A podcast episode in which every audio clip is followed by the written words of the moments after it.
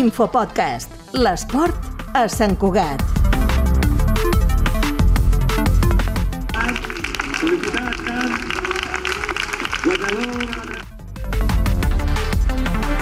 La mitja marató de Sant Cugat arriba a la 37a edició aquest proper diumenge i ben a prop de la quarantena d'anys, concretament el 2024. Però nosaltres, en aquest podcast, volem aprofundir en la història d'aquesta cursa, respondre a preguntes que tothom s'ha fet alguna vegada. D'on sorgeix aquesta mitja marató? Quins personatges han estat clau per entendre la mitja marató? Tot això ho responem ràpid, però deixeu-me que abans ens situem a l'any 1984, quan un grup d'atletes es reunien per sortir a córrer per Sant Cugat i alguns fins i tot es van animar per córrer la mitja de Sant Sebastià. En tornar d'aquesta cursa, Antoni Aguilera, Toni Piferrer i Domingo Pablos, entre d'altres, van decidir que organitzarien la cursa Sant Cugat amb l'ajuda de l'Ajuntament, el Club Tenis Natació Sant Cugat i el Club Muntanyenc Sant Cugat.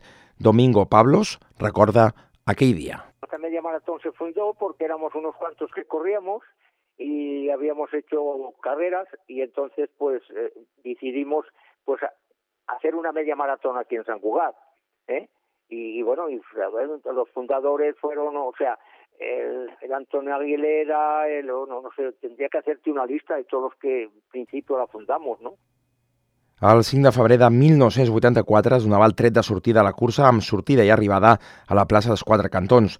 Durant aquestes edicions hi ha hagut múltiples anècdotes. Una d'elles té a veure amb el cronometratge, segons explica Pablos. Anécdotas había muchas, porque entonces eh, a la llegada la hacíamos con, con unos carros, con unos carros de aquellos tipo antiguo, entonces no había los ordenadores ni las cosas que hay ahora y se controlaba más o menos pues eh, poco listando y apuntando a la gente que entraba, sí, más o menos.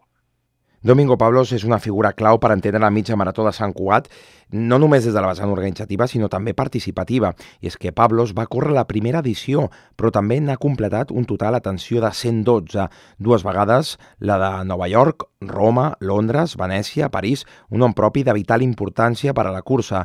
La mitja marató de Sant Cugat ja està a punt d'arribar aquest diumenge i serà la darrera abans que el 2024 bufi les espelmes dels 40 anys. Fins que no arribi aquesta efemèride, Sant Cugat tornarà a gaudir de l'atisme pels carrers de la nostra ciutat aquest diumenge. Infopodcast, una coproducció de Ràdio Sant Cugat i La Xarxa.